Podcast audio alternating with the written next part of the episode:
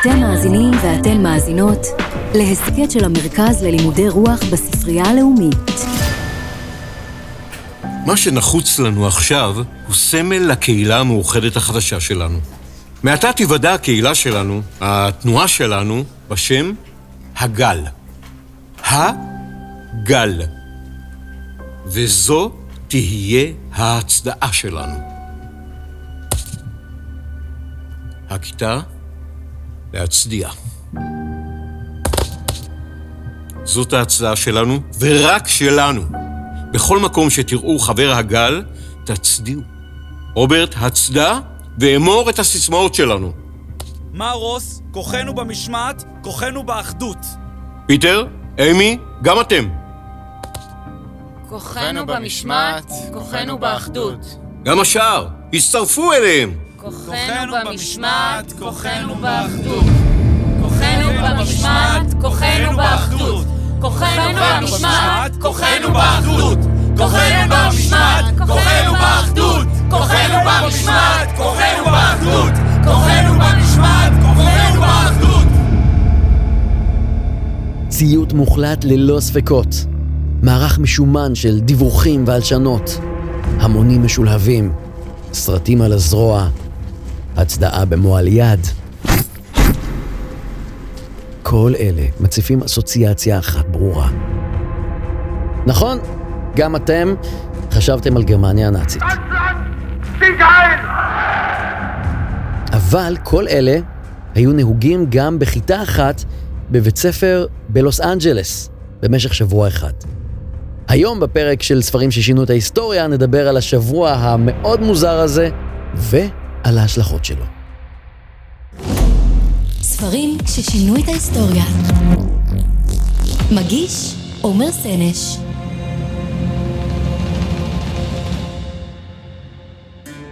את ניסוי הגל השלישי ערך בשנות ה-60 המורה רון ג'ונס על תלמידי הכיתה שלו.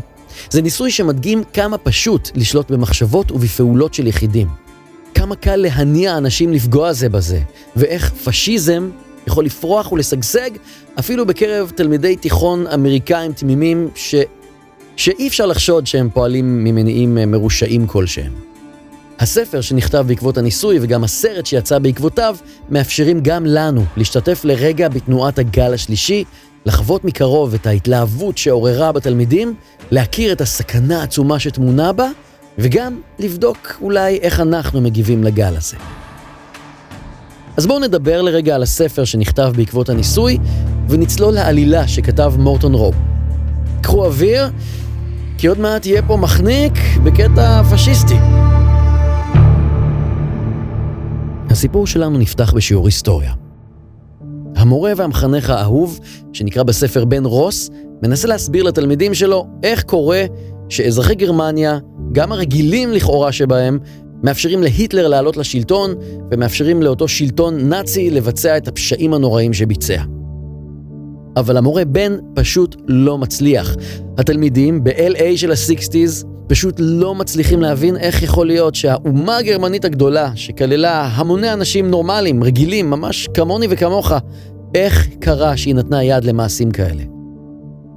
המורה בן מבין שהוא פשוט לא מצליח לענות על השאלה הזאת בצורה שתניח את הדעת, ושבעצם הוא עצמו לא כל כך בטוח שהוא מבין לגמרי איך המנגנון הנאצי הצליח לסחוף את ההמונים ולקנות את ליבם ולשלהב אותם. אז הוא מחליט לערוך ניסוי. היום תלמידים, יש בדעתי לשוחח איתכם על משמעת. לפני שאתם שופטים, תנו סיכוי לנושא הזה.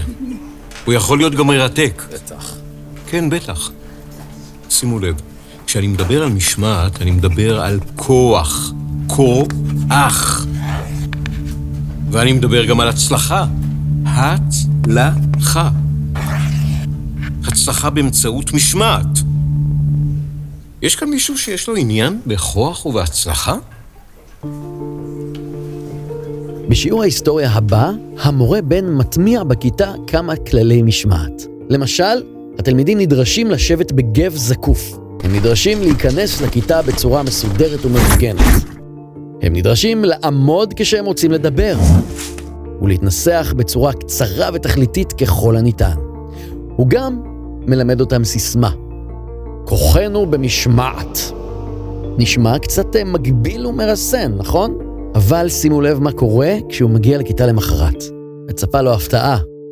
המסר שהוא העביר נקלט כל כך טוב, שהתלמידים שלו אשכרה מחכים לו בכיתה זקופים במקומות בשקט מוחלט, בדיוק כמו שלימד אותם. בן מבין שהניסוי שלו עשוי, או ליתר דיוק עלול, להצליח מעבר למצופה. הוא מחליט להקים קבוצה מתלמידי הכיתה והוא קורא לה הגל. למה דווקא הגל? הסיבה פשוטה. כמו הגלים, גם לקבוצה שהמורה בן מקים, יש כוח ויש כיוון. יש סחף. לסיסמה כוחנו במשמעת, הוא מוסיף את הסיסמאות כוחנו באחדות וכוחנו בפעולה. הוא מלמד את התלמידים הצדעה מיוחדת, והוא פוקד עליהם להשתמש בה בכל פעם שהם נפגשים במסדרון. הוא גם מחלק כרטיסים צהובים מיוחדים לאותם חברי קבוצת הגל, והוא ממנה תורנים מיוחדים שידווחו על כל מי שמפר את החוקים.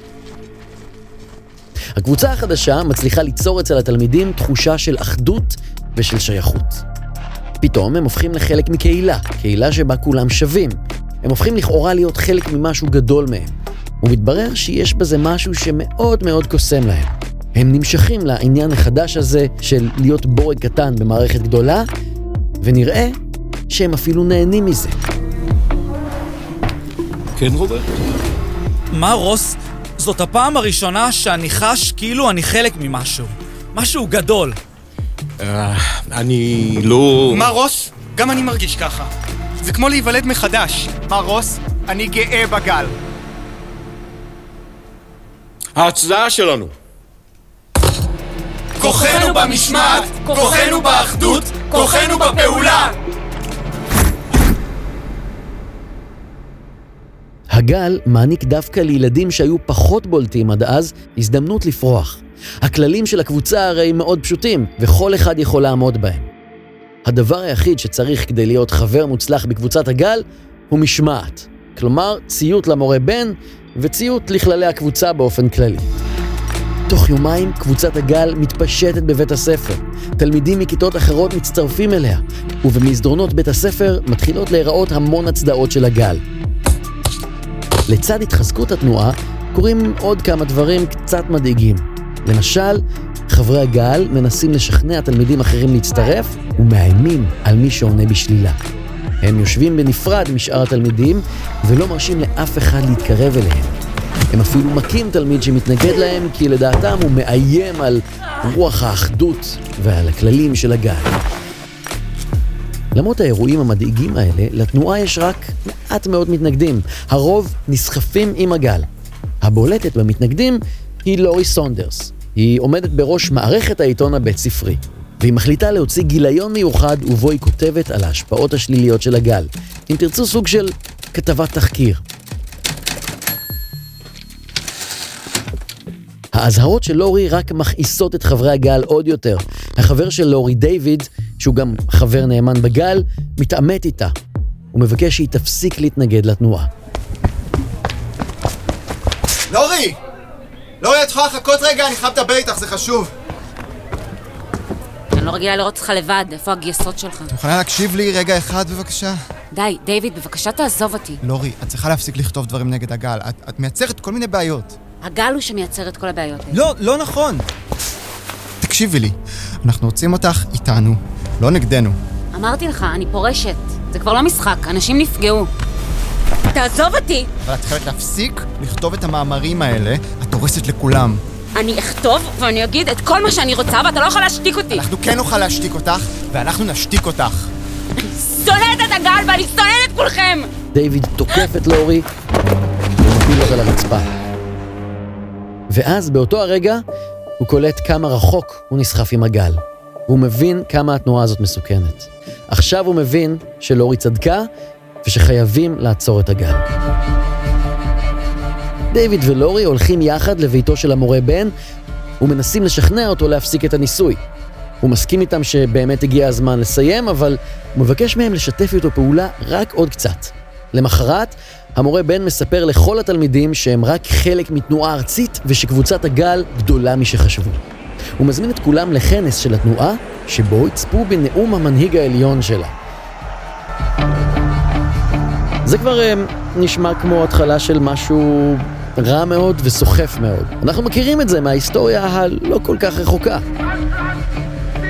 וכאן המורה בן מחליט לעצור את הסיפור הזה. באודיטוריום, מול התלמידים הנלהבים, אלו שנסחפו בגל, הוא חושף סוף סוף את הפנים האפלות של הניסוי. במקום נאום של מנהיג הגל, הוא מציג לתלמידים תמונה של אדולף היטלר.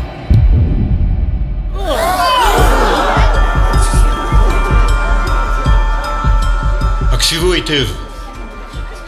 אין שום תנועת נוער לאומית של הגל. אין שום מנהיג לאומי. אינכם רואים למה הפכתם? אינכם רואים לאן היו פניכם מועדות? עד כמה הרחקתם לכת? חשבתם שאתם כל כך מיוחדים. טובים מכל אדם שאיננו נמצא בחדר הזה.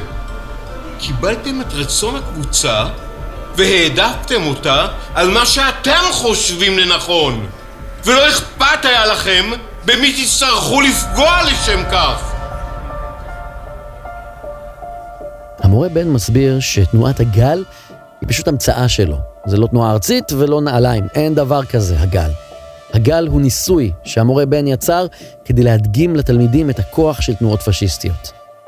בן מעמת את תלמידיו עם העובדה שגם הם, ממש כמו הגרמנים בשנות ה-30 וה-40, נפלו בקסם של תחושות האחדות והשוויון והעוצמה, כל הרגשות האלו שתנועות מהסוג הזה גורמות להמונים להרגיש. הניסוי של בן הצליח. לא מאוד קשה לנסות לחשוב מה המסר של ניסוי הגל השלישי, נכון? אבל המהירות שבה התנועה הזו סחפה את התלמידים הייתה מסחררת. זו תנועה שמבוססת על משמעת ועל ציות, ובכל זאת התלמידים נמשכו אליה בטירוף. הניסוי הזה, כזכור, התרחש בשנות ה-60, לא הרבה מאוד זמן אחרי השואה. אם חשבנו שהמאה ה-20 הייתה אולי אמורה ללמד אותנו לקח על הסכנה שבתנועות פשיסטיות ולהרתיע אותנו מפניהן ומפני כל דבר שאפילו נראה קצת פשיסטי, כנראה שהמסר לא באמת נקלט. יש אולי סיכוי שהמשיכה שלנו לקבוצות כאלה פשוט חזקה מדי.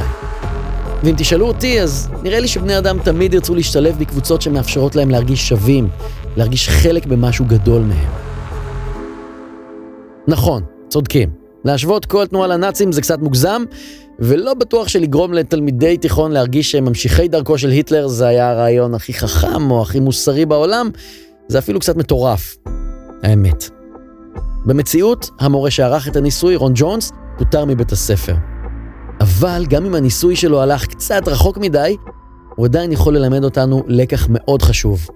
אם תפקחו את העיניים ותסתכלו סביבכם, אני מניח שלא תראו צלבי קרס וגלוחי ראש מצדיעים במועל יד, אבל אם תסתכלו קצת יותר טוב, מאוד יכול להיות שתבחינו בניצנים של תנועות ושל קבוצות שאולי מזכירות את הגל השלישי. תנועות פשיסטיות פונות לנטיות הלב שיש לכולנו, גם לי וגם לכם. כולנו רוצים להרגיש חזקים, כולנו רוצים להרגיש מקובלים, להרגיש מנצחים, להיות חלק רוצים לחיות חיים נטולי ספקות, של אנחנו והם, של תשובות ברורות. אבל לנטייה האנושית הזאת יש תשובות, יש גם פתרונות. הפתרונות האלו מתחילים במודעות. ניסויים כמו הגל השלישי עוזרים לפקוח את העיניים למול הסכנות של תנועות טוטליטריות. חלק מהתלמידים שעברו את הניסוי מספרים שהם נשארו חשדנים כלפי קבוצות במשך הרבה מאוד שנים אחר כך. אחד מהתלמידים האלו, מרק הנקוק, הפך להיסטוריון ולמומחה בתחום הוראת השואה. בהרצאות שלו הוא מספר על הניסוי שבו השתתף ועל איך זה לחוות את המציאות של תנועה טוטליטרית ממש בתוך בית הספר. הניסיון של מרק הנקוק, הספר שנכתב וגם הספר שהופק בעקבות הניסוי, כל אלו עוזרים להפיץ את הלקח הזה לקהל הרחב. הם עוזרים לנו להיות יותר מודעים לסכנות של תנועות פשיסטיות, גם בלי שנצטרך להשתתף בניסוי המבהיל הזה בעצמנו. אחרי שקוראים את הגל, יותר קל לנסות להתנהג כמו לורי, שלא נופלת בקסם של התנועה החדשה, ועומדת על דעותיה באומץ, גם מול כל החברים שלה. והאמת, זה לא פשוט בכלל, לעמוד מול המון שבטוח שהוא צודק, המון שעלול להיות סוחף ורועש ואולי אפילו אלים, וצריך הרבה מאוד אומץ והרבה שיקול דעת כדי להתנגד לסחף קבוצתי כשצריך. אולי גם משלמים על זה מחיר. ובכל זאת, אני בטוח שאתם מסוגלים לזה. לא צריך הרבה, צריך רק להיות בני אדם. אל תיתנו לגל לסחוף אתכם, ואנחנו נשתמע בפרק הבא. עד כאן עוד פרק של ספרים ששינו את ההיסטוריה. פודקאסט מבית המרכז ללימודי רוח בספרייה הלאומית. ניהול והפקת הפרויקט גליה פולק ארביב. כתיבה יותם פוגל. תחקיר לאה קילבן עופרון. משחק איציק ויינגרטן. תומר בן עמרם. ליאור אביבי ועדי דרורי. במאי נמרוד עציון. תודה לראש אגף חינוך ותרבות צילה חיון, למנהלת המרכז ללימודי רוח נטע שפירא, למפמ"רית ספרות מירב בראוטבר פסט ולעידו קינן. ההסכת הופק בתמיכת קרן עזריאלי. אני עומר סנש.